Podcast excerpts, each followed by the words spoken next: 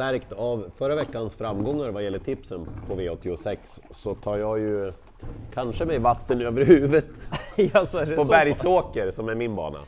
Solvalla finns det ett par roliga skrällar på. Det måste jag säga. Jag har en bra favorit också, det har jag. Det är nollprocentare och enprocentare. och ganska dåliga favoriter som jag har också. Och så är det skor på. Vad känner du för det då? Ja, Men jag tycker att det är skönt, då vet man vad som gäller. Det har ju varit tidigare när det kunde vara den här perioden, att man Mm, vet inte, blir det skor eller barfota, man får avvakta och se. Nu vet man att det är skor som gäller, så att jag tycker det är bra. Jag tycker inte att skor är någon jättebra grej för nyhet i V86 första avdelning. Mm.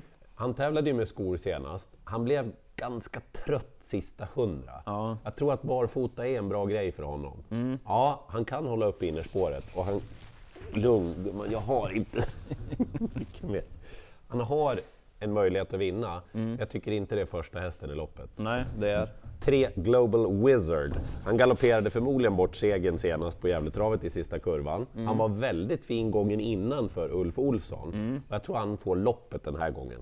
Sexa Mora Mora och Order by Box nummer åtta, de är ju självklart givna, men den roliga skrällen, helt bortglömd. 10 MCC Orlando. Nu snackar vi låg procent. Men är inte det en bra häst? Ja, den har ju kapacitet. Och dessutom har den kommit tillbaka efter skada. Den har fått några lopp i kroppen. Jag tycker inte loppen den har gjort har varit dåligt på något vis. Minsta lilla stäm den här gången, vad fasiken, någon procent mer ska den vara. Och långt upplopp också. Ja, verkligen. Vidare till V86.2 då, på Solvalla och då kommer han tillbaka. Winby Hill gör comeback.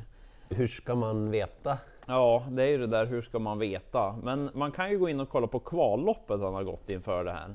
Han eh, gick ju kvalloppet då på Solvalla och mötte bland annat i kvalloppet Nadal Broline. Ja, just hur gick det? Eh, eh, Nadal Broline var först i mål före Winby Hill då, men det såg bra ut på Winby Hill. Det var en snabb avslutning, jag gillade vad jag såg och det här är ju en riktig snackhäst som har varit surr om när den började starta här i Sverige. Jag tror att han löser det här och vinner. Det som är bra är att vi hinner ju se honom värma. så att, eh, det får man ju kika på. Annars är det exclamation mark nummer fem där bakom. Kanske 10 give me 10 till track angle nu om man ska gardera. Men jag tycker Winby Hill har visat kapacitet att han borde lösa det och innerspåret, ja, Jorma brukar inte sitta fast. Så bara ut och sen är det klart. Ja, så att det är troliga spiken i omgången. I V86.3 är det många som tror på nummer två, Jacoby Keeper. Jag är nog inte en av dem. Det, det är den här alltså. Ja, därför att hästen har spurtat väldigt bra i de två senaste starterna. Jag gillar verkligen det jag har sett. Men han är inte startsnabb och han är bara tre år dessutom. Ja. Och då man möter, jag tror nämligen att det kommer bli väldigt mycket drag på nummer två, Jacoby Keeper. Och jag är inte där i det laget riktigt än alltså. Hästen kan vinna, inget snack om det. Men ah, inte bitas! Du, Hon kanske trodde på Jacobo Keeper. jag har varit förbannad. Ja, Men ni är inte släkt med varann. Nej. Eh, nio, Born Dominion. åh, den rackaren. Vad har vi på Born Dominion? Han har vi pratat om ofta i 8 rätt. Nu kom han tillbaka senast. Jag tycker att intrycket var väldigt bra. Utan galoppen 11-1200 kvar så vinner han det där loppet på Dominion. Det tror jag i alla fall. Hästen är bra i ordning och jag tror att det här utgångsläget är helt perfekt. 10 Cosmic Photo. Den måste ni ha med. Hästen trivs ju alldeles utmärkt med skor. Intrycket senast var bra. Det är lämpligt uppehåll här emellan till det här också. Han har fått träna på lite grann. Och så 11 Nico Sonna. Jag tycker nästan den hästen är bättre med skor. Ja, den, den funkar absolut med skor ju. Alltså jag tycker ja, han ser bättre ut med skor, Nico Sonna. Ja, Så 9, 10, 11, absolut. Två Jacoby Keeper, ingen spik för mig. och gardering blir det även i avdelning 4. Det är, det är svårt det här loppet på Solvalla måste jag säga. Eh, Det är ju... Vilken tung kyss! Ja, verkligen.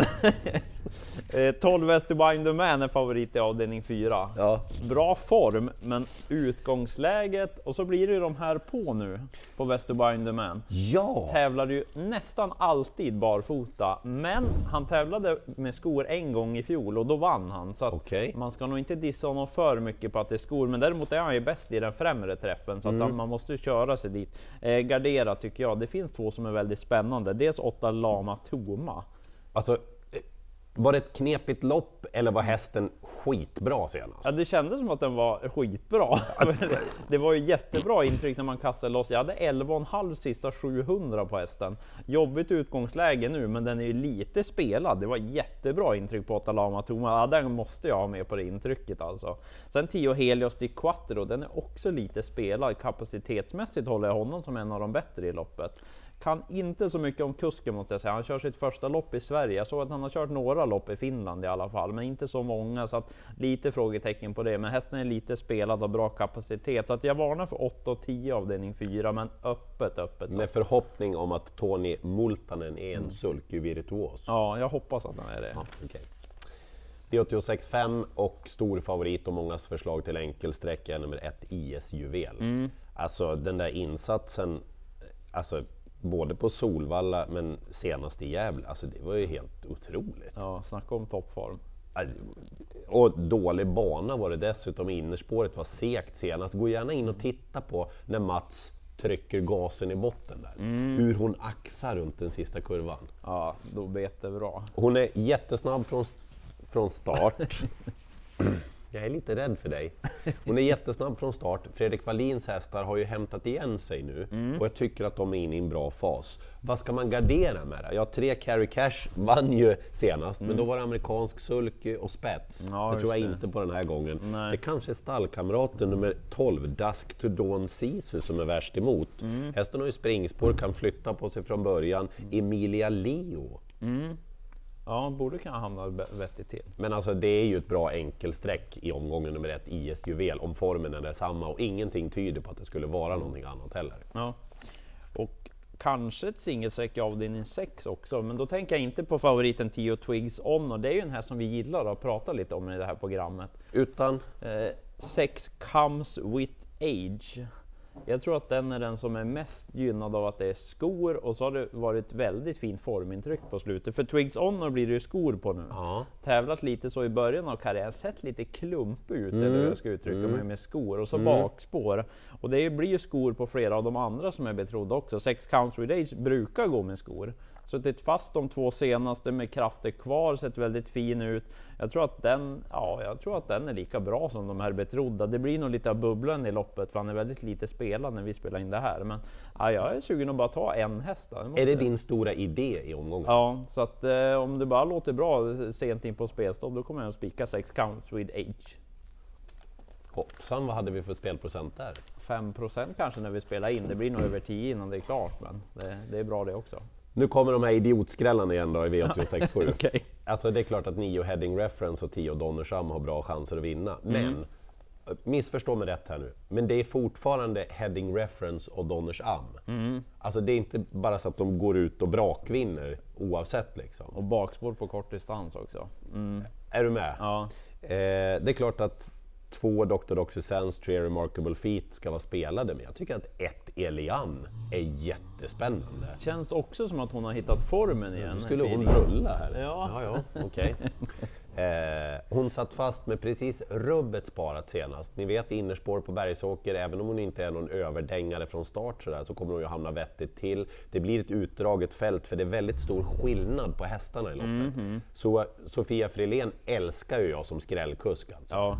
Det är sjukt bra på att hitta rätt väg. Liksom. Mm, och hon gillar Elian också. Verkligen. Och så 12 Electrical Storm. Jag har ingen aning om hur det ska gå till, mm. men jag vet att nu börjar det bli hans årstid där. Mm. Och det var det där långa upploppet också. Spännande. Avdelning 8 sen, det, jag tycker att det är rätt favoritduo, det måste jag säga. Dels då hon igen, 8.